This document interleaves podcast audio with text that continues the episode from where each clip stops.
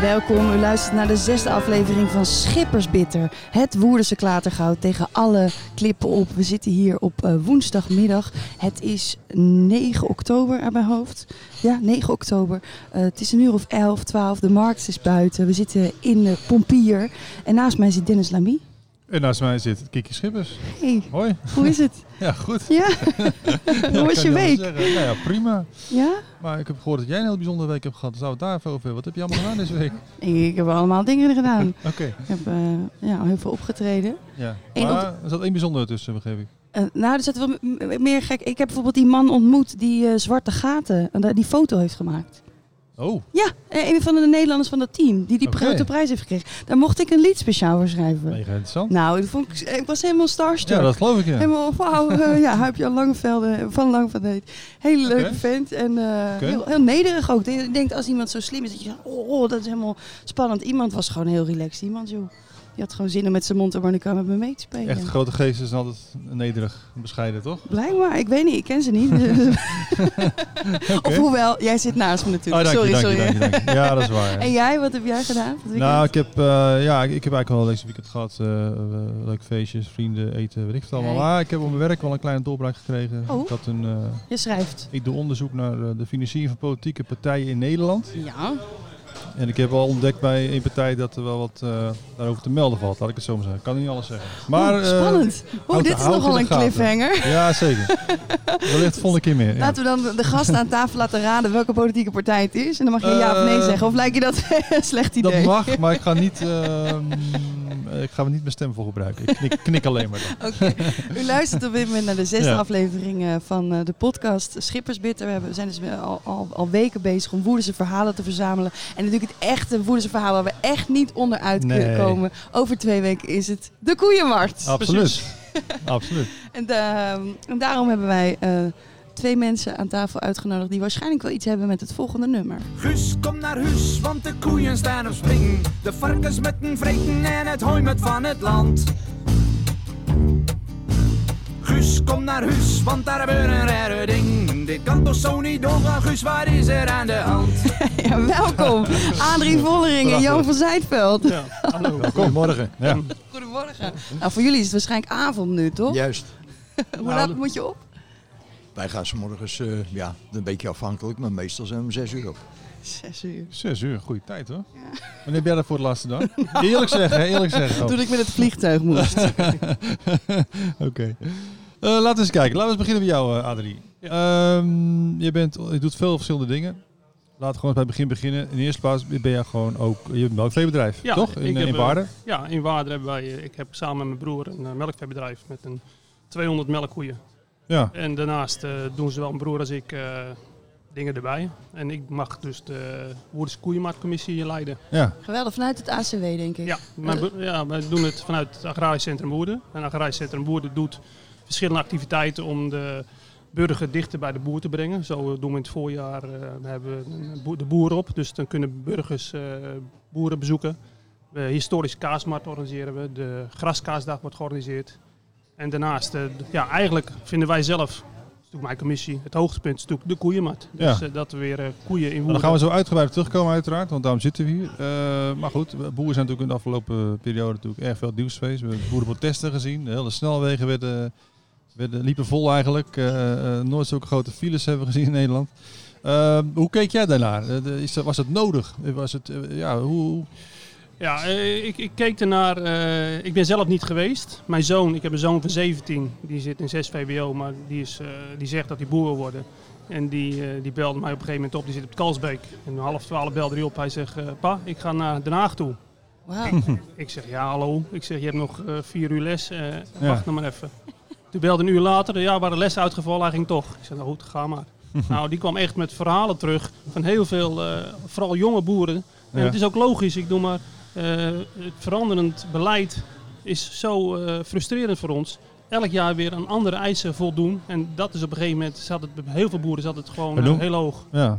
Maar noem eens iets dan, wat, wat, bijvoorbeeld wat er zoveel veranderd is? Of wat er Nou ja, als, eh, dus even in, in een korte tijd, in 2015 is het melkquotum afges- afgeschoten. Ja, ja. Afge en toen, eh 2015, dachten alle boeren van, nou jongens, melkquotum voorbij, we kunnen weer ondernemen. Jij Ja. ook? Jij wilde ook uitbreiden met boeren? Ja, met ja wij zijn, eh, wij zijn in, vanaf 2011 een nieuwe stal gebouwd. Ja. Eh, langzaam gaan, gaan groeien. En je ook in veel. 2015 ook meer gaan melken om, de, om ook de financiële last te kunnen dragen. Ja, tuurlijk. Ja. Juli 2015 dacht de overheid, ho, dit gaat niet goed. Een fosfaatwet werd in het leven geroepen. En nu eh, hebben we het over, eh, dan heb je het fosfaat, dan heb je het over stikstof. En dan ook, onderwijl worden de regels weer veranderd.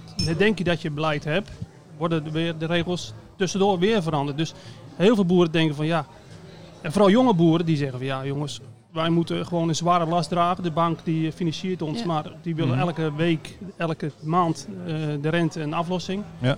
En ja, wij worden steeds meer gedwongen om regels te volgen die we niet snappen. En eigenlijk dat polderen van Rutte, hè, waar die zo om geroemd wordt in het buitenland, hè, eh, dat, dat komt jullie eigenlijk heel slecht eh, uit. Nou ja, wij zijn gewoon gebaat bij duidelijkheid. Ja. Van, van waar gaan we naartoe en ook, ook eh, eerlijke regels. Als dus in Duitsland en België en, en Luxemburg andere regels eh, qua stikstofdepositie worden eh, gehanteerd als in Nederland. Ja, dan krijg je dus gewoon onrust. En Nee, maar dat is Maar interessant. ben je dan voor, Europese samenwerking wat dat betreft? Zonder meer. Wij, wij kunnen niet zonder Europa.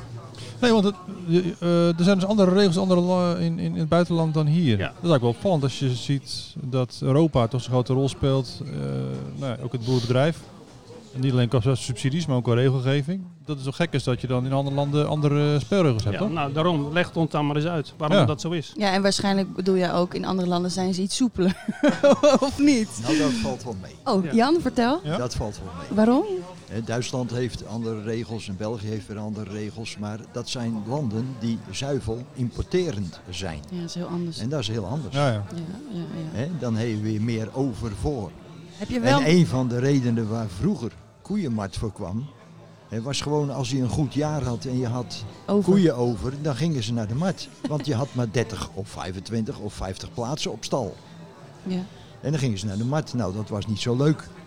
Hè, tegenwoordig, hè, eh, een koe, als die eenmaal zwanger is, of drachtig is zoals we zeggen, hè, dat duurt negen maanden. Het opfokken kost twee jaar. Dat is heel anders dan bij kippen of varkens. Mhm. Want als daar inkrimpen verplicht wordt, ja, dan is dat eh, zes weken, acht weken en dan ben je klaar. Ja, Ja. dus je kunt je ook sneller aanpassen, je bedoel je, je veel sneller. Een, koe, een, koe, een boer Ja. kan je niet zeggen, stop maar even. Ben jij ook melkveehouder? Ja, precies. Ik ben geen melkveehouder. Ik heb jarenlang vee, eh, stapeladviseur geweest Ah. bij een, de grootste veeverbeteringsorganisatie ter wereld, CRV. Ah, kijk. Coöperatieve rundveeverbetering. En, en wat vond jij van het protest? Ben je het Ja, eens met wat. Adrie zegt? Grandioos, alleen we moeten nu uitkijken dat we niet gaan overdrijven. Nou, er komt er weer een naam, eh, ja, begreep ik. daarom. Ja, Ja, nou, nou, Is dat te veel, eh, denkt u? Hè? Daar ben ik Ja. bang voor dat het gewoon uit de hand loopt. We hebben nu duidelijk, eh was een eh, solidaire actie van alle boeren. Dus Ja. Oh, je valt uit. Zo te zien. Oh, hij doet het wel. oké. Oké, ga door.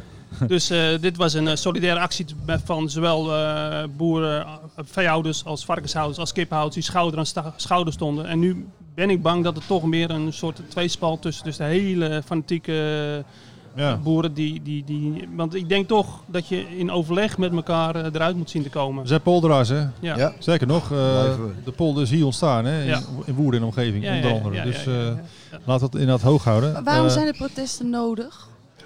Nou ja, wat ik net al zeg, de, de frustratie is gewoon heel hoog dat dus eh, de regels niet duidelijk zijn en dat de boeren dus ook in hun bestaan worden, eh, in hun bestaan in gevaar komt.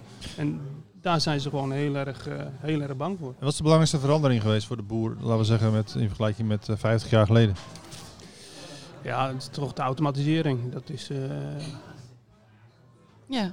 Oké, dus, dus, dus dat nu alles aan de machines ligt. Terwijl vroeger had je veel kne- knechten nodig. ja, precies. Ja, Nou, want goed, je, het- je vertelde net dat je eh, handwerk. op je telefoon kon zien wanneer wie gemolken was. Klopt dat? Nou ja, wij hebben een, gewoon een modern bedrijf. Mijn broer en ik doen samen ongeveer 200 koeien. Ja. Maar dat was vroeger niet, niet denkbaar. Maar dat is ook weer... Ik zeg, als wij eh, een dubbeltje meer van de melk krijgen, hoeven wij Mhm. echt geen 200 koeien te melken. Wij zijn dus ook... We hebben een, een, een verplichting naar de bank toe.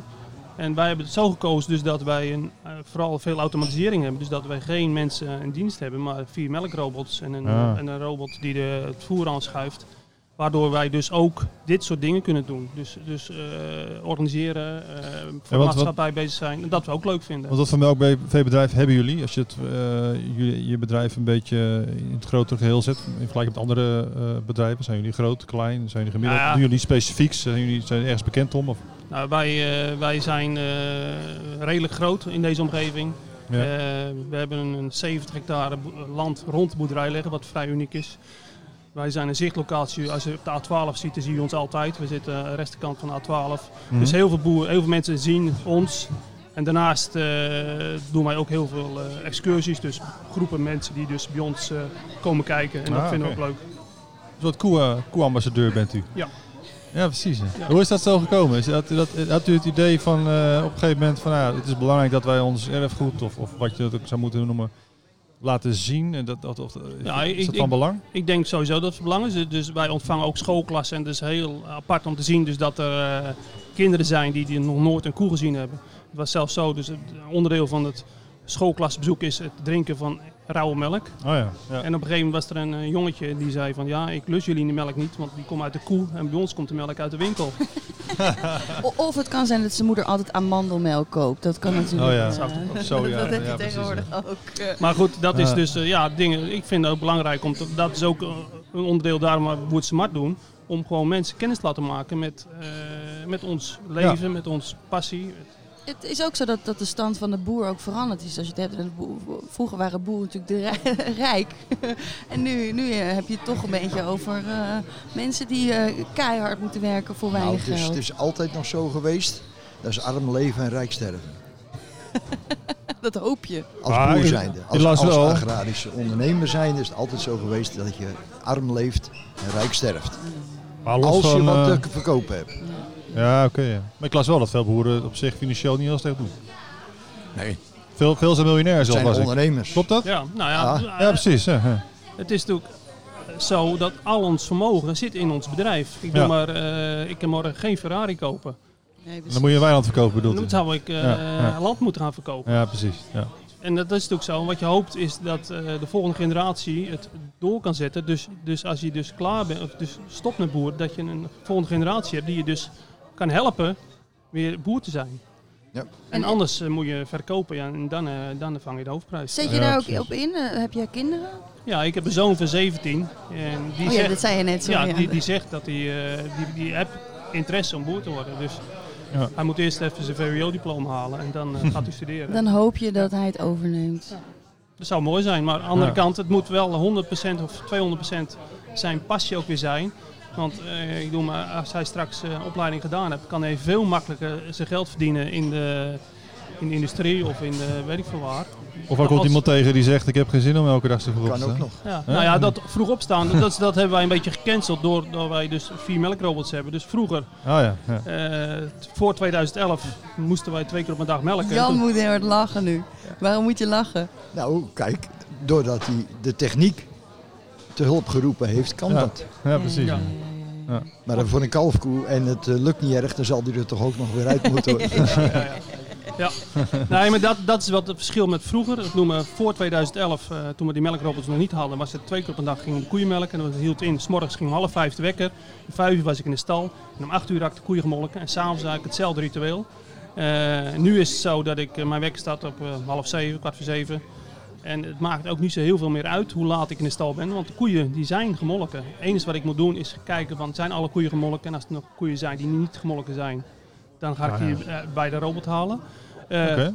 Andere kant is wel zo dat het nu een 24-7 bedrijf geworden is. Dus Precies. is- vorige, vorige nacht ben ik om drie uur gebeld door mijn robot. Die vertelde mij dat hij eh, een storing had. Dus om drie uur moest ik in de nacht moest ik eruit. Ging ik naar mijn robot toe, heb ik het Ah. gefixt en Ja, hij ja, ging weer aan zijn gang. En aan de andere kant ook, je kent niet meer alle klanten waar je levert. Ja, maar dat is altijd al. Ik doe maar. eh, als je ziet, mijn vader is in 1919 geboren en die, toen woonde hij in Vlaardingen. En toen, toen hij jong was, dus praat je over 15, 16 jaar was, ging hij zelf zijn melk in Vlaardingen bij de mensen brengen. Oh ja, ja. En hij was dolblij dat er op een gegeven moment een, een coöperatie was waar hij zijn melk kon brengen en die dat werk voor hem ging doen. Ja. En dat is denk ik, eh, voor hem was dat een, gewoon, hij zegt, ik was geen melkboer, ik was een, een, een koeienboer.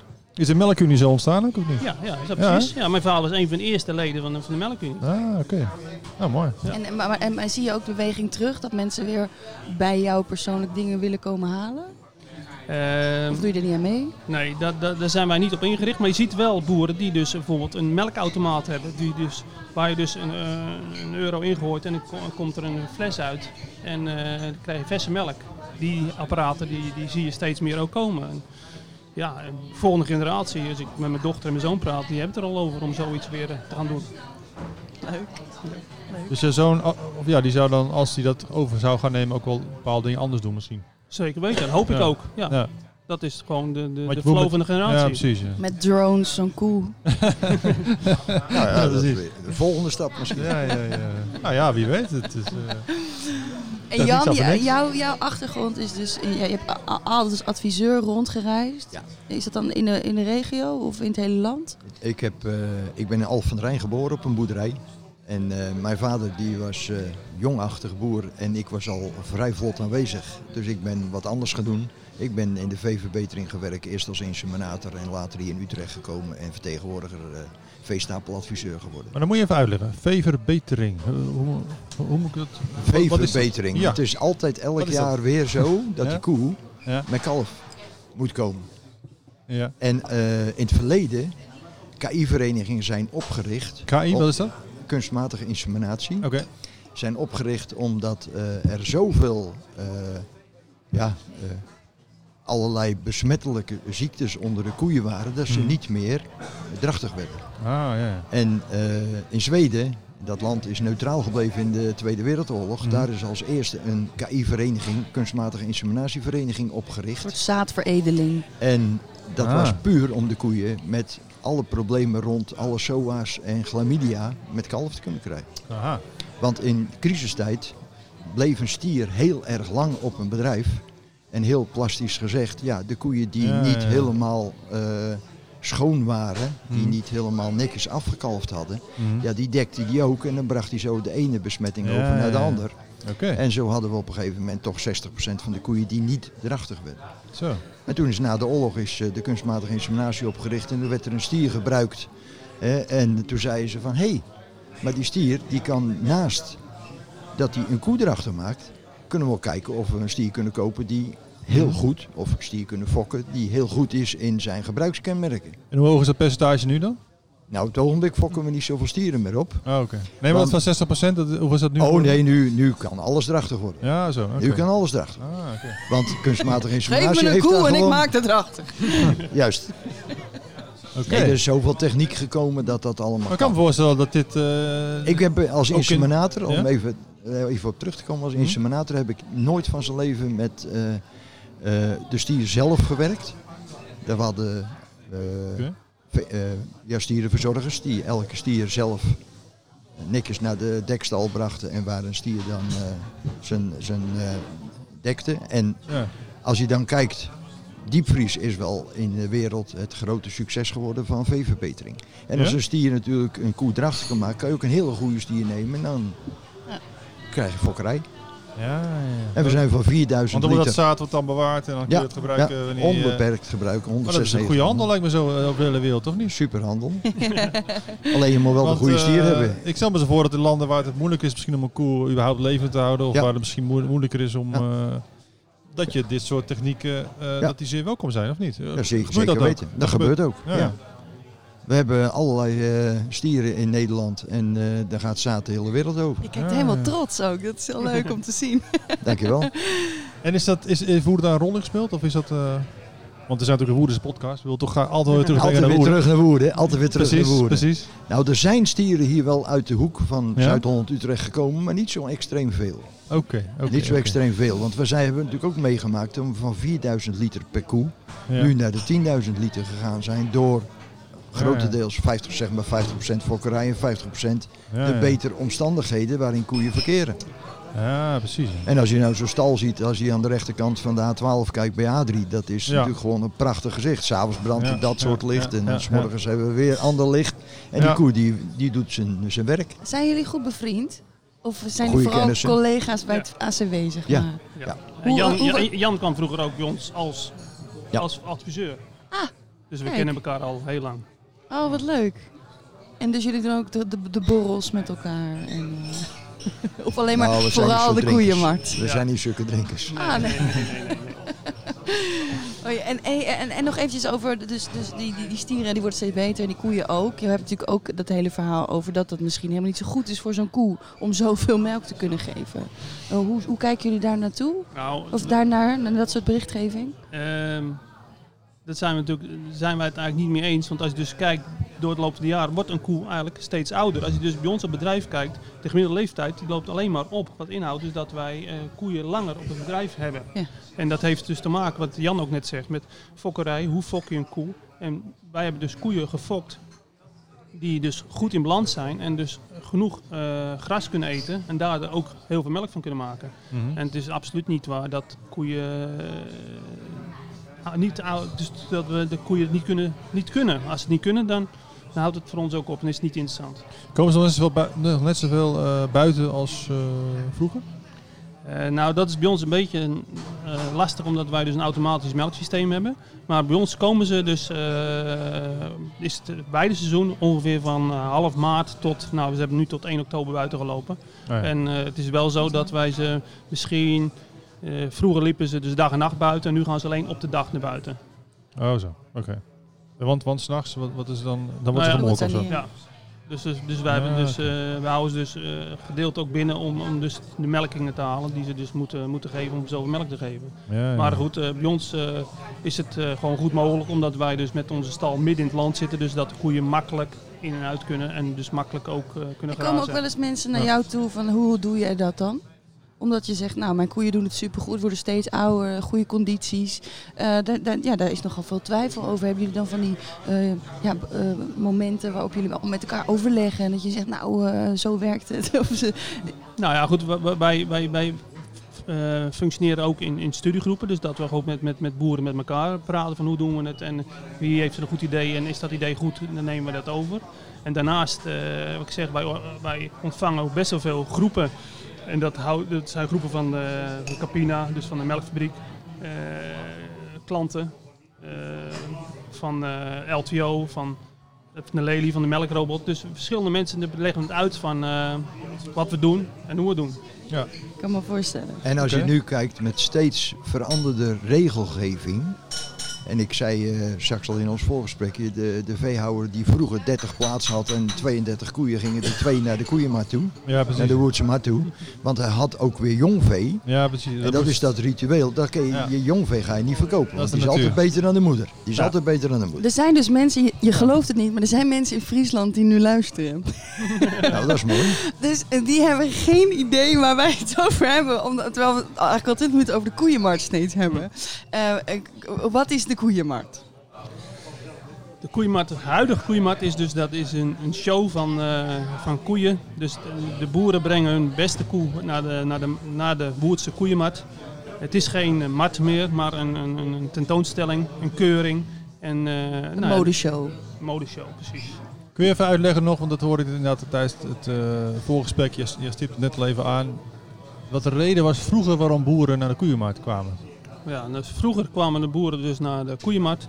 eh, om hun koeien die ze dus niet op de stal kwijt konden. Dus een herfst, dat was de, de functie van de, van de herfstmarkt in Woerden.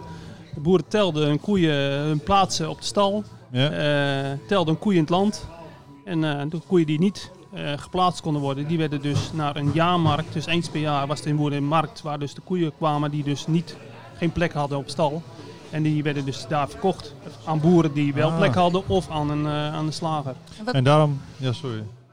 Daar, daarom kwam die dus, daarom is het ook in oktober, niet in, uh, nou ja, in precies. april of mei. Ja, Ja, ja, precies. ja. En wat ik wilde vragen is, wat, de, wat is de rijkwijd? Dus vanaf, van hoe heinde en ver komen ze dan naar hier? Of weten ze wel in Friesland?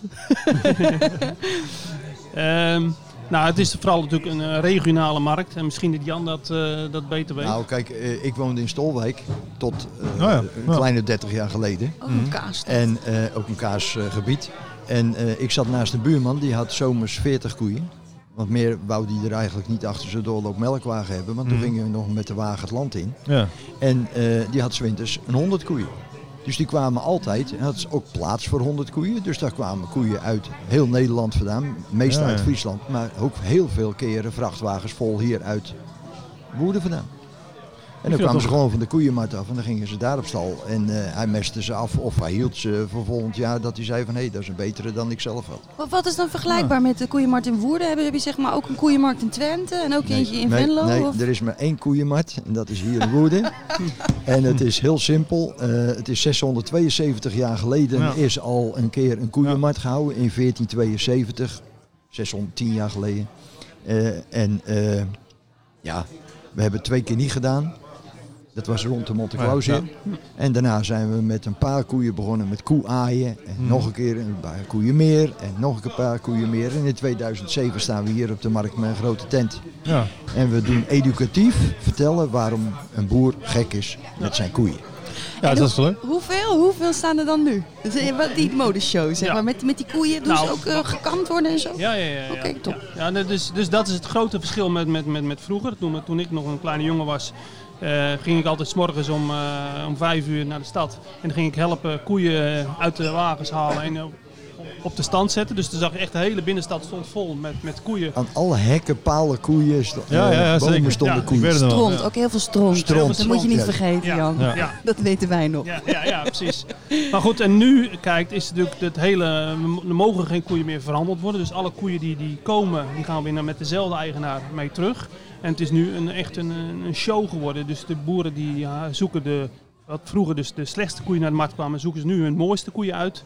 Eh, oefenen daarmee. eh, zijn eigenlijk al 14 dagen van tevoren druk met het, het wassen, het extra poetsen, het scheren Pootje geven. netjes lopen aan, aan een touwtje, wat ze niet gewend zijn. Dus boeren zijn er echt, je moet er echt een beetje gek voor zijn om, om dat te willen. Maar die zijn zo gepassioneerd om hun mooiste koeien te laten zien, dus dat ze komen. En wij als organisatie eh, geven hun de faciliteiten en proberen dus ook voor die boeren het zo aangenaam mogelijk te maken. En hoeveel zijn het er? Ongeveer, eh, we hopen dit jaar tussen ongeveer rond de 40 eh, koeien en een 15 kalfjes. Om 11 uur, dat is wel grappig, om 11 uur gaan kinderen, dus kinderen van boeren met hun kalfjes, dus dat zijn dieren van tussen drie weken en een jaar, hebben ze geoefend. En dan gaan ze dus in de ring gaan ze dus een mini, mini show halen. Het is zo grappig dat het eigenlijk allemaal ontstaan is, deze mooie tradities, uit overschot. Ja. Kaas ook. Ja. Ja, ik moet nu oppassen, want ik zit met twee experts aan tafel. Maar ik heb En mij laten ik zie vertellen... Kaas eh, zelf eh, ook een beetje raar kijken. Jacco Casius is denkt ook, wat is er, wat is er? Nee, ja, nee, kaas is onze mooie traditie, dat is waar. Maar eh, nee, kaas ontstond toen het hier gebied hier, waar we nu zitten was vroeger natuurlijk moeras, eh, duizend jaar geleden. Dat hebben ze op een gegeven moment in cultuur gebracht. Het werden weilanden en daar konden koeien op gaan lopen. En dat ging allemaal zo goed dat er eh, zelfs melk over was. En dat ze daarvan toen kaas zijn gaan maken. Klopt dat eh, een beetje? Is dat historisch? Dat is historisch en, dat, en, en dat is Dus, ook een van de ja. redenen dat in oktober altijd koeien over waren. Want Ja. je probeerde in het voorjaar zoveel mogelijk koeien te laten kalven en kaas maken. Ja, precies. En in oktober, ja, dan eh, ging je knopen tellen en dan zei je van zoveel Ja. koeien heb ik over. En die gaan naar de markt toe. Is oktober is dat Maar- dan ook een, een financieel belangrijke eh, tijd voor de boer, of Ja. niet? Mas, ja. Wat duurt? Ja, natuurlijk. Ja, nu, is Nu het niet meer, wat is nu de financieel meest belangrijke tijd voor jou? Nou, dat is niet meer. De financieel belangrijkste tijd is bij ons de eerste week van mei. Want dan gaan we dus het, eh, het, het, het voorjaarsgras maaien. En dan gaan we dus eh, wintervoorraad aanleggen. ja. Oh, ja. En ik zeg wel eens, als de eerste twee weken van mei eh, super weer is en eh, we hebben mooi gras. Dan weten we eigenlijk al wat het jaar erop gaan verdienen. Want eh, Hmm. hoe, hoe eh, beter kwaliteit eh, voer wij winnen, hoe minder wij dus de koeien hoeven bij te voeren. En dat is voor ons het belangrijkste. Maar wat is goed weer hoor, voor jullie? Eh, nou, eerst twee weken van mij, als het gewoon stralend weer is, is voor ons perfect. Gewoon zon, droog. ja, ja. Niet per se regen of zo. Nou, absoluut niet. ah, oké. Even terug naar de koeienmarkt, want eh, Ja. jij, eh, jij zit hier allemaal heel nederig en bescheiden te zijn, Jan. Maar je hebt nogal een rol in die koeienmarkt. Nou, dat het is niet, nou, dat, niet overdrijven. dat, niet jij eh, overdrijven. daar ongezien wegkomt, laat ik het zo zeggen. Ik mag met de microfoon zorgen dat de koeien in de ring komen. Oh. Ja. Van, hè, hè, in de juiste klasse, in de juiste rubriek. Als in een de ring komen. spreekstalmeester met een hoed op. Een spreekstalmeester met een hoed op. Hè, of zonder hoed, maar in ieder geval meestal met hoed op. En eh, de keurmeesters in de ring. En we hebben één vaste keurmeester, dat is Adi Moré. Die is al jarenlang de, ons baken als vaste keurmeester. En we hebben van het jaar eh, Mieke van der Schuren uit België. Oh, En die twee Amai. mogen op een gewone, ja, praktische Jip en Janneke taal, laat ik het zo maar even noemen, vertellen aan de, iedereen die er rond staat. En er komen schijnbaar tussen de 15.000 en 17.000 mensen lopen door die tent heen. Vertellen waarom we zo gek zijn met een koe. En waarom die koe nou net iets mooier is dan de andere. En waarom er een huier onder zit. En waarom er vier benen onder zitten. En waarom er een kop is. Nou, laat ik het even aan jou vragen. Wat, wat, wat vind jij nou een mooie koe? Wanneer is een koe voor jou dat je zegt, gewoon, nou dat is echt genieten. Nou, Hebben we vorig jaar op de keuring gehad. Dat was die mooie rode koe. Niet te groot. Stond En die, had, eh, en die had 100.000 liter melk gegeven. Ja? Hè? En eh, met een goed uier en goede benen. meisjes dat is- met rode haren, zeg maar. Meisjes, nou ja, dat mag. maar dat was toevallig een roodbonte koe. Hè, het mag ook een zwartbont. Maakt mij niet uit. Als ze maar melk geeft en als ze maar probleemloos is. Ja, dat is een probleemloze koe. Want een koe is ook oersterk. Hè? Ik kan ook voorstellen als je een beetje een dwarse koe hebt, dat, die wel, dat is wel iemand Nou waar je rekening mee moet houden, toch? Dat is altijd mijn reden dat ik aan het eind zeg... Hé, hé jongens, we een biertje en het is gelukt. Het is Ja. weer gelukt en er is niemand heeft een dauw Want, eh, gehad en nee, niemand heeft een In trap het verleden gehad. liep er nog wel eens een koe eh, hier door de Rijstad heen of zo. Eh, Die juist. dacht van ik heb er geen zin meer in. Juist. Wat is dat voor dier eigenlijk, de koe? Is dat een lief dier? Is dat een stardier? Zoekt hij contact Het is of een juist niet? Het is een kuddedier. En eh, Het is net een mens dus. ja, het houdt heel veel van eh, regelmaat. Ja. En hoe meer de regelmaat is, hoe beter ze presteert. Dat is even de melk. Eh, daarnaast, ja, als hij de koe goed begeleidt. En het zijn meestal natuurlijk wel koeien die meerdere keren op een keuring geweest zijn. Maar het kan altijd, ze kan schrikken. En ze, dan is ze oersterk. Ja. Dan Waar is steken ze, waar boer. steken ze van? Onverwachte dingen. Onverwachte Ja. ding. Nee. Ja. Onverwachte ding. Harde knal of een... eh, Ja, bijvoorbeeld. Of, eh, ja. Harde knal, die zal de hele dag zijn. Ja. Nou, dat valt van mee. Oh, oké. Ze houden zich in. maar zie je echt de persoonlijkheidsverschillen eh, zeg maar, van je koeien? Ja, Ja, ja. 200 is al veel hoor, Adrie. Dus je zal ze niet allemaal bij naam kennen. Ja, ik ken ze allemaal bij naam. Oh, Nee, maar dat is, ik ben echt een eh koeienman en ik ken alle koeien bij naam. En ik weet ook, eh, er zijn bepaalde dieren die, die dus heel aanhankelijk zijn. Dus ik heb een, als je bijvoorbeeld, eh, vorig jaar heb, heb ik nog een koe meegenomen. We hadden een promotiefilm bij de Bistronoom. Nou, die koe die, die, vond alles goed. Die liep op een gegeven moment zo de, de tent in. En we kon hem zo loslaten. En, eh, die is ook de, elke, als ik in de stal ben, komt ze altijd mij even opzoeken. Even, even, even schuren. En, Ah. Zulke koeien heb je. Ik noem maar, maar dat is ook wel het, het, het voordeel van het systeem wat wij doen. Dus een eh, automatisch melksysteem houdt in de koeien zijn vrij om te gaan, om te, om te melken of niet. En eh, waardoor ik dus niets meer moet van die koe. Dus als ik in de stal ben, nou ja, dan komt de koe even kijken van, oh, boer loopt er. ja, dus die relatie is veel minder onder druk. Minder hiërarchisch. Ja, Ja, ja, ja. Maar, maar, het is ook een beetje een cliché-vraag hoor, maar ik kan me voorstellen voor een boer dat het soms best lastig is omdat je, nou weet je, je spreekt wel enige liefde over die beesten ook als ik het zo beluister. Op een gegeven moment moet het ook natuurlijk eh, misschien wel geslacht worden. Nee, maar dat is, dat, is, Dat, dat, lijkt me soms best een pijnlijke beslissing. dat is best lastig. Maar dat, als je dat niet kan, dan moet je ook geen boer zijn. Want ik noem maar, eh, het is heel simpel. Wij moeten ook gewoon ons, ons geld mee verdienen. Dus eh, je moet af en toe gewoon rationeel zijn van, ja, eh, wat is voor op een gegeven moment voor, voor, voor mij of voor die koe het beste? Ja. En die man moet je precies nemen. Dus zoals mijn dochter, die is 19 en die heeft ook wel wat met paarden en met koeien. En die zegt, pa, hoe kun je dat nou doen? Ik zeg, ja, ik zeg, als we dat niet kunnen, dan kunnen we ook geen boer zijn. Maar jouw dochter is toch Ja. daarmee opgegroeid? Ja. Waarom begrijpt ze dat dan niet? Nou, ze begrijpt het wel, maar ik snap best wel, want zij is echt een paardenmeisje. Dat ze, dus we hebben het wel zo over, ze heeft twee paarden. Nou ja, goed, dan zal er op een gegeven moment Daar een keer, hecht je je aan, bedoel je? een keer een tijd komen dat, dat hij weg moet. Ja. En ja, daar, eh, nou ja, dat is wel voor haar heel lastig. Is het makkelijker om je te hechten aan een paard dan aan een koe? Omdat een paard meer teruggeeft van zijn karakter? Nou, ik denk dat het heeft te maken met het feit dat de, de- een paard heb je, tenminste als mijn dochter, die heeft een paard gewoon 10, 15 jaar. En een koe is wat dat betreft natuurlijk gewoon een passant van, ja, de oudste koe is bij ons 15 jaar, dus die is, die is er ook al 15 jaar. Maar, ja, dat, We hebben koeien voor economisch motief. Hè? Ja. dat verschil. Nee, tuurlijk. Alleen, Elk Ja, dat- dat bedrijf is de ene heeft zijn kant. Nee, mensen, dat- zijn koeien, nee, zijn maar- dieren, Ja. zijn Dat begrijp ik. nee, dat begrijp ik. Ja. Maar daarom voel ik ook van, eh, het, het, het, eh, los van dat het een bedrijf is, kun je ook hechten aan een dier. Ja, John. Ja, ja, heb je, David zegt, je elke ochtend koe naar je toe komt lopen, nou, dat eh, ga je wel een bal mee krijgen. Ja. Ja, ik weet ook niet Ja. hoe jullie erbij zitten. Dus sommige mensen zijn daar heel emotioneel en sommige niet. Dus daarom ben ik heel benieuwd met wat Nou, voor ik heb- boeren ik, aan ik heb- tafel zit Ik vandaag. heb in die afgelopen twintig jaar dat ik hier eh, in Utrecht werk, heb ik Sorry, verschrikkelijk veel keer een koeien mogen helpen huldigen die 100.000 liter melk gegeven. Dan heb je twee keer twee trotse ogen. Dat is van die boer, Ja. die zegt van verdorie jongens, dat is toch weer even gelukt. En die koe. En waarom nou die ene koe wel en die 10, 15 leeftijdsgenoten, die zijn al lang weg. Mhm. Dat blijf ik me dus altijd toch wel afvragen. Waarom die een... Er zei een keer een veehouder in de Meijen, ik heb hier een koe die staat nooit in het gedrang. Die staat nooit op de ketting, die is altijd als er wat rumoer Wat is. betekent is dat niet op de ketting staan? Nou ja, die had een, een ketting liggen eh, als mestschuif, hè, waar de mest mee naar de put toe geschoven werd. Oh, zo. ja. Nooit geen problemen. Die koe was altijd, als er wat aan de hand was, was ze niet in de buurt. Dan stond ze het gewoon op een afstandje af te wachten. Maar als ze gemolken moest worden, was ze er als eerste. Hmm. Want dan was ze vast uit gedrang weg. ben braafste jongetje van de klas. nou ja, maar een ik ben ook uit gedrang weg. Ja. En zijn twee dochters ook. Ja. Toen dacht ik bij mij, hé, hey, dat is toch ook weer apart hoe je naar een koe kan kijken. En hoe beloon je een koe? Dus hoe zie je zeg, de trotse koe, ogen Nou, van die koe? Ja. Hoe eh pet je hem dan of geef je hem extra eten? Of, geef hem eh, een extra aatje. Want hij zoveel eten als hij zelf wil. Ah, ja.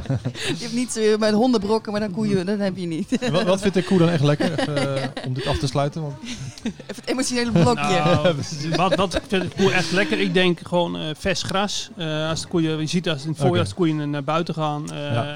in, in een sappige wei, dan, dan, dan zie je dat, dat is gewoon genieten. Dus je ziet ze dan al, echt allemaal zich helemaal dik eten. en wat, wat ze dan doen, dat springen als ze uit de stal komen voor het eerst. Dat, Hm. dat, dat is, dan zijn ze echt blij. Dan is het echt... eh Ja, dat is zeggen. dat kun je tekenen waar je kunt zien van een koe als die gaat springen en een beetje eh, als ja, wordt. daar, Dan, dat- eh, daar zijn de meningen over verdeeld. Oké, Eh, maar wij zien het gewoon als een koeiendans. En ja precies. Ja.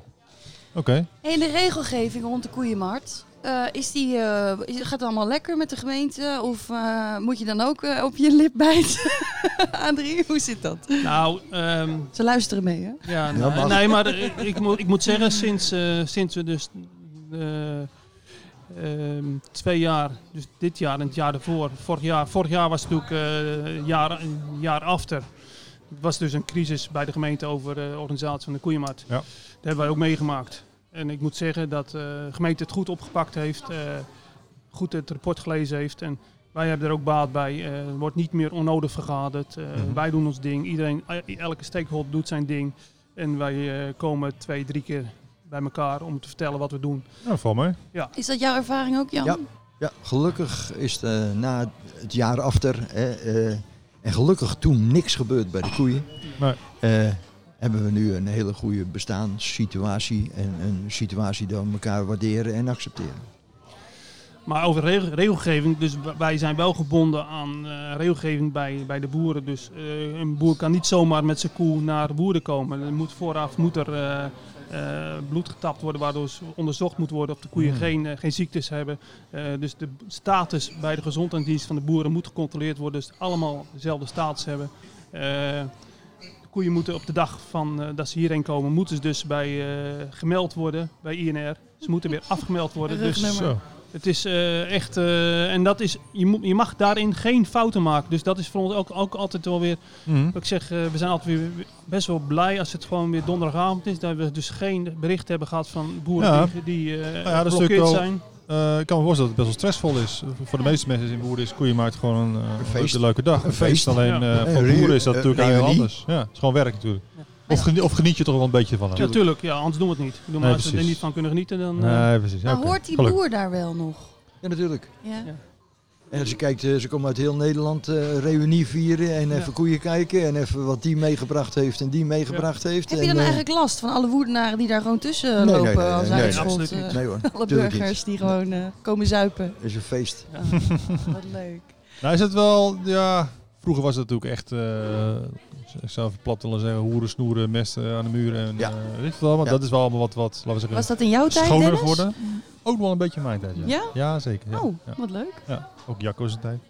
Zo, Tegenwoordig, eh, is, tegenwoordig is het educatief een feest. Precies. Dus ja, dat is iets anders. Nou, dat hoeren ja. sloeren gebeurt de, de, de nacht van woede, daarvoor. Ja, En daarna. Of daarna. Ja, daar hebben wij geen tijd voor. Want wij moeten zorgen dat we 's morgens om vijf uur hier zijn om de tent weer in orde te ja, maken. exact. Wij willen graag eh, onze volgende gast uitnodigen. Eh Niek Engelhard. Ehm, eh, die heeft ervoor gezorgd dat de Koeienmarkt een speciale status heeft gekregen in Woerden. Ehm, dus daarom vragen we hem aan tafel.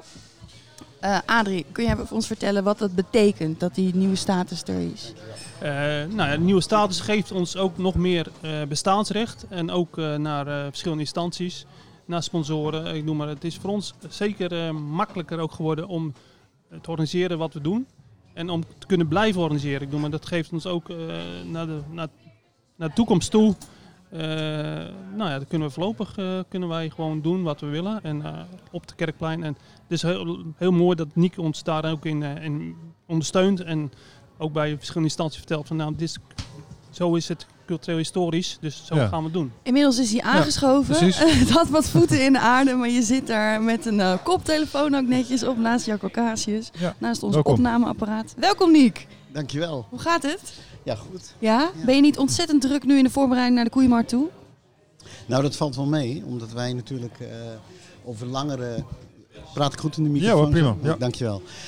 Ehm, omdat het eigenlijk over het, eh, het historische verhaal gaat. Dus het gaat eigenlijk langer, eh, over een langere tijd mee. Over... Oh, dus jij kan gewoon genieten over twee ja, weken. ja, zeker. En je bent een beetje aan het schrijven iedere dag aan zo'n eh, aan zo'n rapport of zo. Ik weet niet, hoe, hoe, hoe, hoe werkt dat precies? Je bent bezig gegaan met het erfgoedzorgplan. Ja, het, het punt is even terug misschien in de geschiedenis wat dat betreft. Of in de recente geschiedenis. In 2017 is eh, Woerden dus, eh, eh, of de koeienmarkt in Woerden officieel immaterieel erfgoed geworden. Ja, ja. Nou, wat, ehm, moet- zal ik er iets over vertellen wat dat inhoudt? Ja?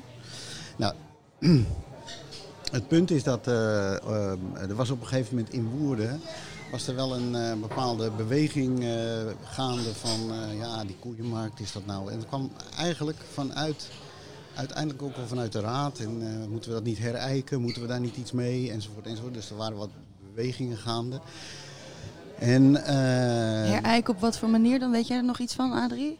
Nou ja, dat, dat is wat. Dat we, hebben, we, we hebben best wel moeten, moeten strijden om bijvoorbeeld de koeien op de, op de koeienmarkt te krijgen. Om, om, om ons ding te blijven doen. Serieus? En Is dat discussie geweest? Dat koeien misschien niet op de koeienmarkt zichtbaar zouden zijn? ja, ja, ja. Ja. En dan Ja, we hadden- we hadden- besloten? we hadden Wie toen- ging daarover? We hadden toen een tijd wel eens een wethouder die echt hele, hele aparte plannen had eh, wat dat betreft. Wie was dat? Oh, dat was Bas Stolk volgens mij. Laat, laat ik, het, laat ik het maar zeggen dan. Oké. Ja. Maar goed, in die tijd, dus er waren allerlei vragen en toen... eh, En nou, er waren vragen van, goh, het ging over een evenement wat de gemeente eh, eh, natuurlijk betaalt en organiseert voor de inwoners en andersom. En daar was wel een discussie over van, eh, ja, eh, moeten we dat niet herijken? Moet dat volksfeest er niet anders uit gaan zien? Eh, dus dat, dat, daar ontstond een zekere discussie over. En toen bleek toch wel dat in de zeg maar in het, in, in het, in het DNA van de Woerdenaar zelf zoiets had van ja, maar wacht even, die koeienmarkt, dat is van ons. Ja. Hè, dat is van ons. En daar willen wij. Dat, dat zegt iets over eh, onze geschiedenis en dat zegt iets over onze stad in het, eh, midden in het boerenland. En ehm, nou hebben ze, eh, laat ik zo zeggen, je hebt, je hebt, je hebt, je hebt in Arnhem heb je het Museum voor Volkenkunde. Ja. En ehm, op een gegeven moment is eh, zeg maar immaterieel erfgoed, dat is op een gegeven moment een dingetje geworden. Ja. Een tijd geleden. Een dingetje, dat is niet geloof ik het goede woord. Maar nee, maar wel, ja, zo nu Ja. en Leg uit wat het is dan. mochten dingen Ja, ja, aangewezen worden als immaterieel Nou, erfgoed. Ja, wij zijn natuurlijk in Nederland zijn wij nogal eh, eh, behoorlijk materieel ingesteld op erfgoed. Hè? Dus een gebouw, daar zeg je al gauw van, god, dat is een monument of eh, dat is fantastisch. Ja. En dat gaan we onderhouden en dat gaan we, daar gaan we iets mee. Ehm, maar er is aan de andere kant heb je de, eh, gewoon eh, de cultuur uit zich ook voor, voornamelijk in evenementen. Of in dat, hè? Sinterklaas, is bijvoorbeeld ook zo'n Ja. specifiek eh, ding. Ja. hè? Ja, zeker. Er staat ook trouwens op de, eh, op de lijst immaterieel erfgoed. Sinterklaas. En wat, voor, wat voor dingen moet je dan aan voldoen? Nou, Eh, het punt is dat het een, eh, het, het, het, het, eh, het moet een eh, uniek evenement zijn, althans, of het moet een al langer evenement. Moet dat is een- gelukt, hè? Je Ja. hebt alleen maar in Woerden, hebben we net ja, gehoord. Ja, ja, ja, precies. En het is, een, eh, het, is ook het oudste. Het is ook het oudste evenement. Oh, gaaf. Oh ja? ja, ja. Heel Nederland. Het is, nou, het is eigenlijk een, over, het is een overblijfsel van de. ehm, eh, we hebben marktrecht gekregen in 1410. Eh, dat was eh, graaf eh, Jan van Beieren die ons dat marktrecht gaf. En als stad. En dat betekende dat Woerden dus een, eigenlijk als, had al een, was al redelijk een centrum, kreeg al een aardige centrumfunctie in het Mhm. platteland. En ehm, eh, op dat moment eh, mocht Woerden ook najaarsmarkten organiseren. En dat waren paardenmarkten, en dat waren koeienmarkten, veemarkten. waren dat. Kaasmarkt. Ja, nee, kaasmarkt. Oh nee, kaasmarkt was Kaasmarkt later, komt- is later, ja, sorry, ja. sorry. Kaasmarkt komt pas veel en veel later. Een initiatief. eh, het was in principe zo van. nou, als je, het heel, als je het heel extreem zegt, dan zeg je van in. Eh, eh, een paardenmarkt was het bijvoorbeeld ook, het was, waren ook vervoermiddelen, hè? dus dat was eigenlijk een soort, eh, Ja. nou, een soort rij, maar dan in de middeleeuwen. Tot autorij. Ja, ja. Ja, een autorij. Oké. Eh, ik, dat is misschien iets, maar, maar het, het idee van eh, het, eh, het, het kunnen organiseren van die markten, en dat was een bijzondere, dat was eh, om die hele markt heen. Daar eh, gebeurde ook heel veel. In die tijd, eh, of ook, eh, en dat, is ook, dat heeft ook heel lang eh, doorgezet. Maar eh, zo'n stad werd belangrijk omdat daar die markten gehouden werden. En die boeren uit de omgeving, die gingen ook lopend. Of eh, nou, als ze geluk hadden, trekschuit. of met de trekschuit, gingen ze natuurlijk naar de stad. Ja. Dan gingen ze hun overtollige vee proberen te verkopen, want het werd winter. Ja. Overigens ook, daarom was het Ja. najaar, hè? het werd Ja, winter. nee, dat dus- hebben we net Ja. Oh, dat heb je verteld. Oh, sorry. ja. Ja, oké. Dus als ik eh, dubbele dingen zeg, moet je het ook meteen even laten weten. Ehm, Maar dus de, de, de, de punten waar, waaraan je moet voldoen is onder andere dus dat het historisch is, dat het eh, Ja. heel, eh, heel eh, lang is, dat het een evenement is, dat het in de cultuur zit. dat het in de Woerdense DNA, de, in, in de Woerdense cultuur zit. Ja, het zit echt in het DNA van de Woerdenaren. En ik heb ook begrepen dat het Ja. ook moet ja, bewegen. Dat, dat, dat, het ook aanpasbaar moet zijn aan de tijd. Dus het moet ook wel Ja. zich ontwikkelen. Ja, nou in feite nou heb je het over dat zorgplan. Dat is eigenlijk, hè, dat zorgplan, dat zegt dat heel specifiek. Dat Wat is het zorgplan? Leg even uit wat het zorgplan is. Dat is het erfgoedzorgplan Ja? Voor Ja. de koeienmarkt. voor de koeienmarkt. Dus hoe draag je zorg voor zo'n eh, Ja, evenement nou op, ja, op weet je, het... ik zei net, lijst van, wij, wij hebben natuurlijk in de- deze westerse samenleving behoorlijke ehm, eh, materiële cultuur. Hè? Dus wij, Mhm. eh, inmiddels hebben we wel zoiets van, oh dat is een monument, dat is een kerk, die gaan we wel behouden. Ook al Mhm. verliest hij zijn functie, we behouden hem wel. Mhm. Want hij staat ergens voor. En dat geldt dus ook voor eh, ev- bepaalde evenementen. Mhm. En daar moet je dus een zorgplan, net zoals dat je voor een kerk ook moet onderhouden. Ja, zo ja. Dan moet Oké. je ook eens een zorgplan voor zo'n En een van de voorwaarden is dus dat het bewegen, bewegelijk zijn. Nou, eenmaal dat je natuurlijk ook wel moet kijken naar hoe, de tijd, eh, hoe het in de tijd past. En eh, eh, bij wijze van spreken, eh, of het een evenement is wat je... eh, kun je dat zodanig vormgeven dat we begrijpen waar het vandaan komt. En dat het, een Ah. on- ja, het is echt een... Voor koeienmarkt kan me dat voorstellen, maar ik heb juist begrepen dat Sinterklaas en Zwarte Piet juist niet eh, cultureel erfgoed is worden, omdat dat, nou ja, die discussie over Zwarte Piet, Ja. eh, Ja, dat Zwarte het Piet daardoor ik niet genoeg maar bewegelijk is. Zo? Ja, dat het daardoor geen cultureel erfgoed geworden is. Maar goed, dat is een andere discussie.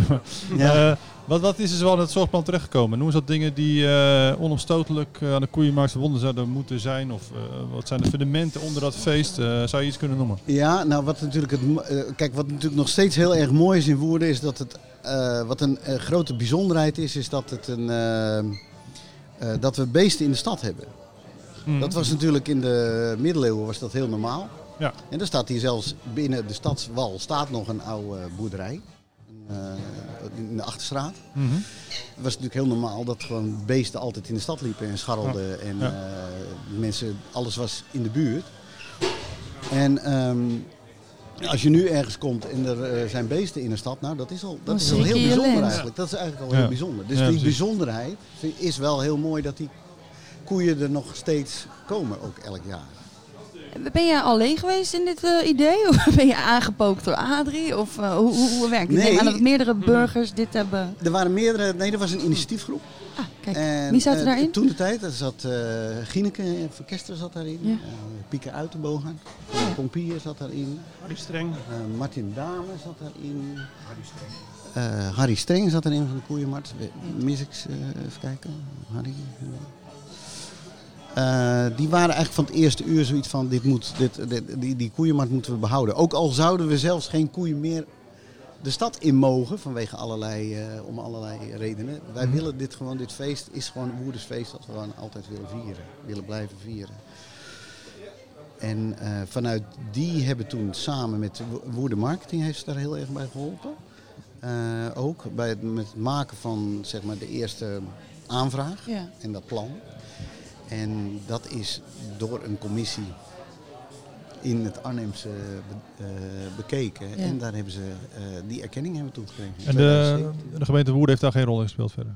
Dat is een particulier Ja, initiatief dat, zou dat, je is, dat is echt een, een, een volk. Ja, het is een volksfeest, het is Ah, een oké. volksinitiatief. Ja. Nou ja, dat is inderdaad. want Het is al een paar keer te sprake gekomen dat ik eigenlijk wat me opvalt is dat, nou ja, zoals de gemeente dus eh, een tijdje geleden zelfs heeft geprobeerd om het wellicht eh, een beetje aan te passen, geen koeien met de markt.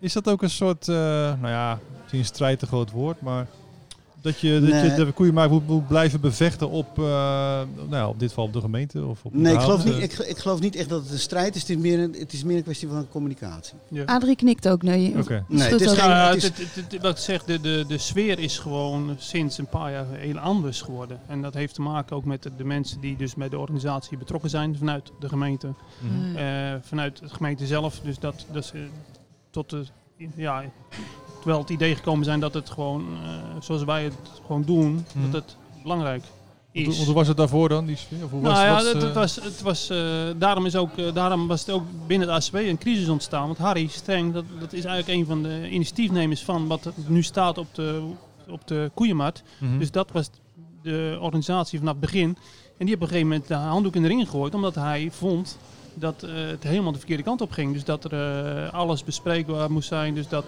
eh, nou ja, hij maakte zich grote zorgen en hij kon dus communicatief niet meer met de wethouder.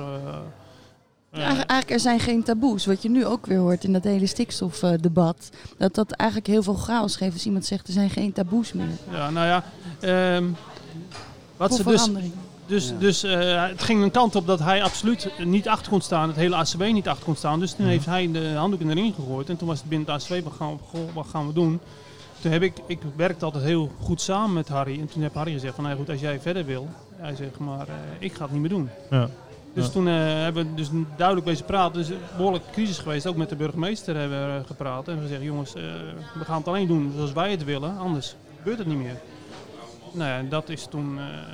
nou ja, toen zijn er dus dingen veranderd. Tenminste, zover veranderd. Wij hebben gewoon ons plan. Getrokken. Ja, ja zo moet je het wel zien. Ik doe maar... eh, kijk, als wij eh, niet meer een ding kunnen organiseren zoals wij denken dat we het moeten doen... ja. eh, dan houdt het op een gegeven moment een keer op. Ja, natuurlijk. En ik, ik had het net over strijd. Dat is natuurlijk onzin. Want, want uiteindelijk moet je het ook samen doen. Ja. De gemeente eh, kun je niet wegdenken uit zo'n gro- groot evenement natuurlijk. Dat Nee, kan niet nou, maar alleen... daarom zeg ik ook, we Ik zijn kan me heel, voorstellen. dat- Ja. heel blij dat de gemeente nu gewoon ons gewoon eh, met alles faciliteert. Ze zetten Ja. het net neer. Ze, ze zorgen dat wij... eh, in precies. principe organiseren wij het nu voor, voor de gemeente. En, dat, eh, en, dat, Ja, ja. en die rol die past ons. En, en Ja. wat is jouw rol nu, Nieke? Wat, wat moet jij nu doen om dit eh, erf, erfgoedzorgplan ja, eh, vast te stellen? Nou, wat wel mooi is, is dat eigenlijk de koeienmarkt, dat betekent dus dat het een belangrijk evenement is voor Woerden. Dat betekent dat het een, echt iets zegt over de Woerden en Woerdenaren. Dat we ook allemaal wel heel erg blij mee zijn. Mhm.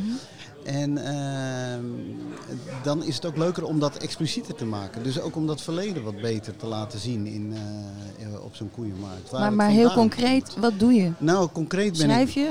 Ja, nee, ik heb nu concreet, eh, het concrete plan ligt er nu bijvoorbeeld eh, om ehm, eh, met het museum samen volgend jaar eh, komt er een tentoonstelling Koe in de Kunst. Dat is een klassieke kunsttentoonstelling. Nou, de, de, de enorm belangrijke tentoonstelling Kaas in de kunst. Ja, Die we ja. ook al hebben Ja, gehad. eigenlijk Koe eh, in de ja, kunst. de- we hebben nu Boeren van Toen.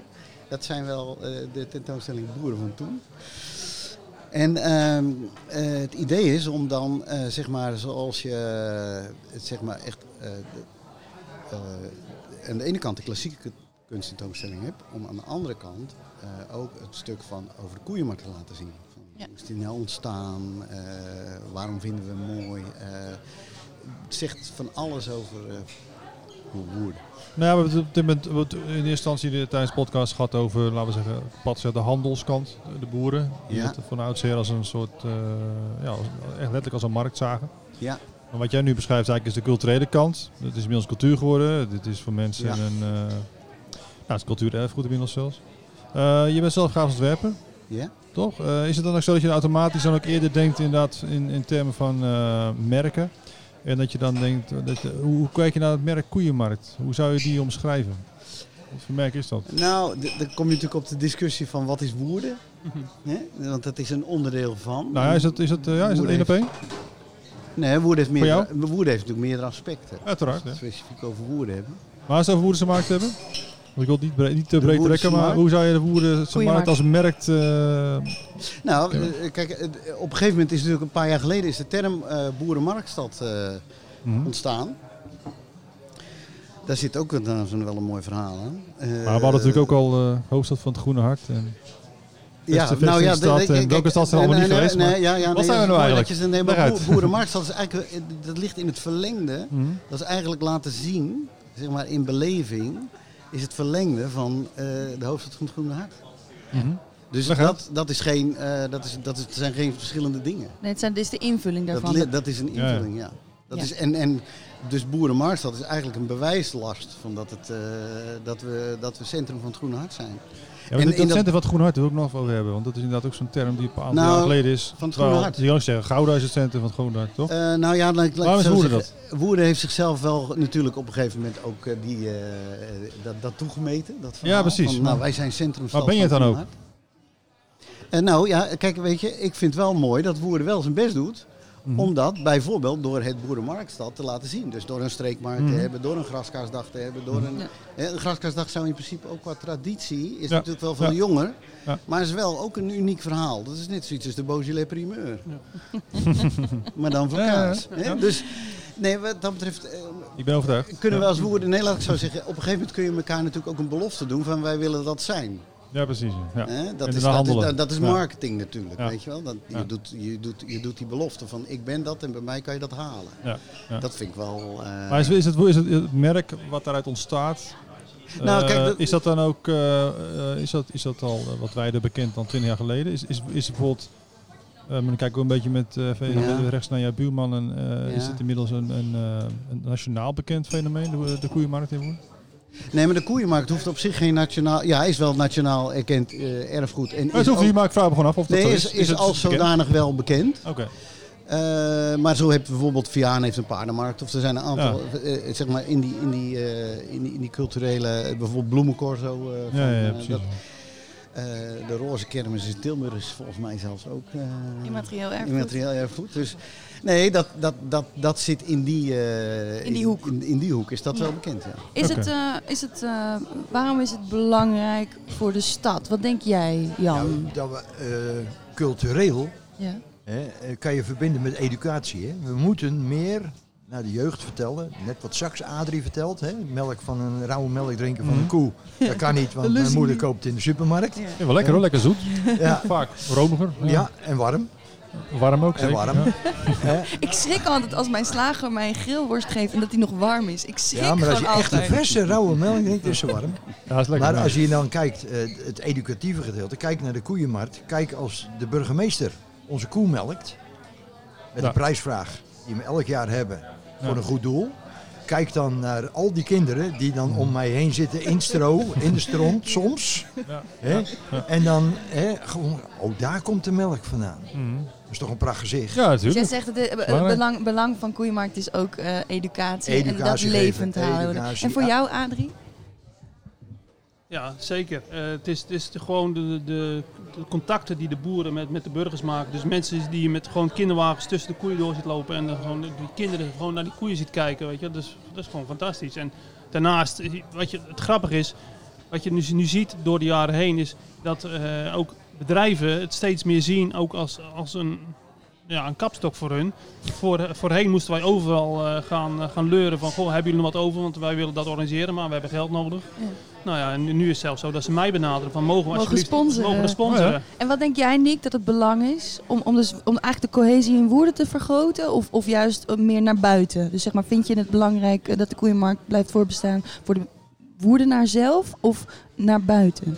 Ik denk dat het voor de woerdenaar zelf het allerbelangrijkste is. Kijk, en als woerdenaren dat fijn vinden en daar trots op zijn en daar een bepaald gevoel bij hebben, dat ze dat heerlijk vinden, dan komt die, eh, ja, dan, dan- als je mazzel hebt en je bent een keer in de buurt van Woerden in het najaar Ja. en je komt ineens als buitenlander, loop je hier, hier de, de stad Ja. in, dan denk je, wat gebeurt hier? Wat is dit geweldig? Ik had vorig jaar had ik gasten, ik had gasten Ja, tijdens ja. Koeienmarkt, nou, die keken hun ogen uit. Ja. Die wisten niet wat, eh, wat Ja. ze gebeurde. Ja. Het is een mooie excuus voor een reunie, hoor je vaak, toch? Ja. Nou, de- het is niet, het is een, het is de reunie. Ja, precies. Het is gewoon de, eh, Ja. Ja, doe ik het goed? Ja. ja, maar dat, dat, Hey, maar zie, dit- dat zie je ook. Ik doe maar eh, boer, want dat is natuurlijk eh, inherent aan, aan de ontwikkeling van de stad. Van, eh, dus dat heel veel boeren weggetrokken zijn, omdat dus stadsuitbreiding hun boerderij gekost heeft. Dus er zijn boeren die uit vandaan naar Zeeland zijn vertrokken, zijn Ja. er mee die naar Denemarken. Het grappige is, dus op zo'n koeienmarkt kom je die mensen die komen weer terug, want die weten gewoon, iedereen is er. Dus, dus dat is een hele goede reden om weer even je contact aan te halen. Ja, precies. Dus in die zin is, het, is de traditie eh, behouden gebleven wat jullie betreft? Of is hij door de jaren heen, hier, daar heeft hij basjes gekregen? Of is het nog uh, zakt hetzelfde als in je jeugd qua gevoel? Of hoe, hoe is dat? Dat reunie-effect, dat eh, vind ik fantastisch. Ja. Ja, dat is ook ja. eigenlijk ook wel, je moet je voorstellen, in feite was het boerenbestaan tot eh, tegenwoordig niet meer zo, maar dat was natuurlijk een behoorlijk geïsoleerd bestaan. Ja, zeker. Ja. Kijk nou wat er aankomt. Er komt eh, een fles schippersbitter op tafel. Die kuiten wel gehakt. Oh, heerlijk. Oh, vanwege de laatste van het seizoen. Prachtig. Te gek. Oh, lusten jullie dit, jongens? Ja, jullie, ja jij zei net, Jan, wij, wij zijn niet zo'n drinkers, maar dit kan je wel aan, toch? Eén shotje, een halfje. We gaan het gewoon Ja, als je vroeger de boerderij kwam, kun je het ook wel te drinken, denk ik. En we vinden tradities moet je in ere Eentje, houden. eentje. Want dat is nog best een ding geweest, toch? Eh, eh, heel veel tradities ja, die in Woerden waren, ja, die, die, die waren niet altijd eh, po- positief ontvangen. Dat mag je wel zeggen, ja. Sterker nog, we hebben boeren heel lange traditie gehad van alles wat mooi is mag kapot. Eh, de halve binnenstad is gesloopt. Dat weet je misschien ook nog wel. De, nou een ja, een beetje voor mijn tijd, maar de dubbele sleutel, het hotel, Ja, ja, ja, het pensionaat. Ja, ja, ja. Ga zo maar door. maar dat, Eh, is, dat is wel een landen, dat is natuurlijk een landelijke trend geweest. Die is nu wel Nou, duidelijk een Ja, herstel. ja, nee zeker. Dus, maar er is ook zeg maar, is wel een herwaardering en dat Ja. geldt ook voor Woerden. En dat is ook wel, dat zie je. Maar dan mij wil ik dat zeggen, wat is daarin, wat is daarin veranderd? Want eh, van, van nou ja, eh, we moeten vooruit, eh, de wederopbouw. Nou, er valt op zich nog niet voor te zeggen dat je het land weer eh, een beetje aan de gang moet krijgen. En dat daardoor Mhm. gebouwen sneuvelen. Nou ja, goed, dat hoort er misschien een beetje bij. Ik weet het niet.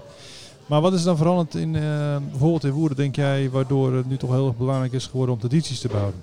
Nou, ik, ben- ik, ik ben hier in de, in, in de binnenstad dan. Ben ik in de tachtige jaren komen wonen. En ehm, als je toen Woerden zag en je ziet Woerden nu, zeg maar, de binnenstad. Is daar echt wel een goede herwaardering geweest. En er is ook wel met eh, behoorlijk veel zorg bijvoorbeeld dit plein is neergezet. Ja. Er is niet ge- gedacht van. Eh, eh, er is niet zo rigoureus. Ja, dat hadden we natuurlijk ook wel op dat moment aan de. Dat heeft natuurlijk ook met de sfeer te maken. Maar er is wel heel duidelijk gekeken naar de historie van de stad. We hadden natuurlijk op dat moment eh, ineens eh, allerlei Romeinse vondsten die naar boven kwamen. Dus oh, daar gaan Ja. we. In je ook de- trots van, hè? Ja, dus, dus daar kwam wel daar kwam een stuk trots in terug. Ja, ik denk ook dat Ja. Woerden is veranderd. En van- historisch bewustzijn ook misschien. Daarom. Nou, dat, dat zie je nu zo, sowieso natuurlijk hè, nu in stadsherstel. En eh, zien mensen ineens die waardering, die herwaardering. Eh, eh, Utrecht, Hoogkaterijnen, dat was natuurlijk in eerste instantie was dat natuurlijk fantastisch. Dat was helemaal hip. Want Mhm. je had een winkelcentrum wat was overdekt in de 70 jaren. En nu, eh, maar er is wel een, prachtige oude stationswijk in die tijd, vonden wij Gesneuveld. dat, Ja, ja, ja. En nu zie je dat wel, zeg maar, als je nu in Utrecht komt. Er is een groep geweest die heeft ongelooflijk geijverd om eh, ook die eh, s- singelstructuur daar weer terug te krijgen. En die, is terug, die komt ook terug. En daardoor laat je je eh, eh, ja. inspireren, zeg maar. Nou ja, het, laat ik Laat zo de je- je Rijnstraat ook weer... dat- eh, oh nee, ja, ja nou? kunnen wij. Kijk, als, Eh, Woer- als woerden hebben we eh, natuurlijk ook roeien met de riem eh, die we hebben. Maar het mooiste monument zit natuurlijk al hier onder de grond. Zeker. Dus, en dat is er gewoon nog. Dus, En jij, wat wil jij iets zeggen. Nou ja, wat ik vooral vind, ik doe maar, eh, toen ik jong was, gingen we niet in Woerden uit, want er was niks, het was slaapstad. Oh ja. Dus nu ziet mijn kinderen, die gaan naar uh, Arie, die gaan naar uh, Pompier, die gaan naar... Ja, ja, Dat is wel duidelijk, eh, de, de sfeer is van slaapstad is toch meer een beleefstad geworden. Hmm. Jan, wat moet de volgende traditie zijn volgens jou? De volgende traditie. Ja, de volgende wat immaterieel erfgoed Woerden zou kunnen nou, zijn. ik ben al heel blij dat we een koeienmat hebben. En laten we die even voorlopig even zo houden. Hè? Laten we dat Nee, proberen nee. zo te houden. Oké, oké. Hè? En Ja. proberen de kinderen hier in Woerden te laten zien hoe gek we zijn met koeien. Geweldig. En jij, wat denk jij, Adrie? Ehm, nou, ik vind ook, eh, wij zijn druk met de koeienmarkt. En ik heb nog één nieuwtje, dat is eigenlijk heel vers van de pers. Oeh, jongens, Nou. een primeur. Ehm, je ziet dus, eh, de koeienmarkt heeft dus, eh begint natuurlijk in principe dinsdagavond al met de wielerronde, die dus aangehaakt is aan de, de koeienmarkt. En eh, nou ja, we hebben al eens lopen, hoe kunnen we dat eigenlijk een, verbinding geven met de, met, met, eh, met de koeienmarkt zelf en met de, de dinsdag en de woensdag.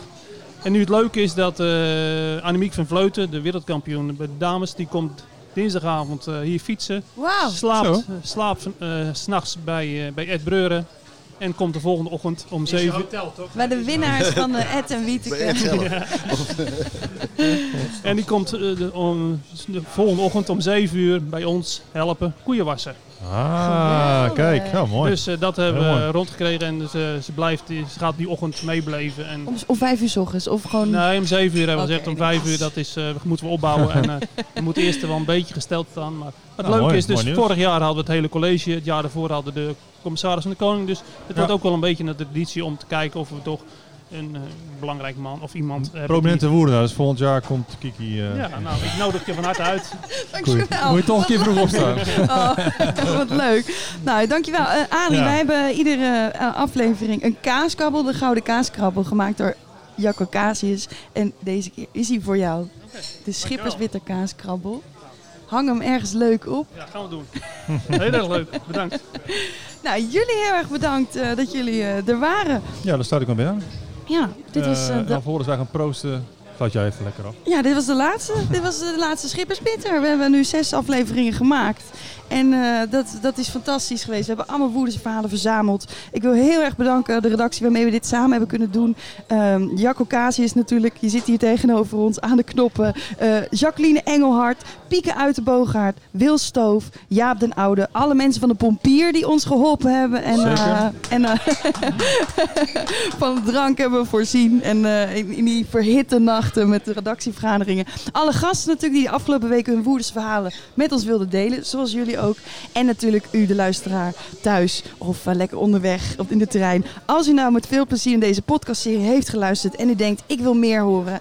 Helaas, we zijn er gewoon even niet meer. Nee. maar als u misschien genoeg smeekt op Facebook, op Twitter, op Instagram, dan willen we een comeback best overwegen. We wensen u een hele fijne koeienmarkt. Naast me is Dennis Lamy. En naast mijn Kiki Schippers. En wij gaan proosten. We gaan proosten. Hier. Kijk. Yes.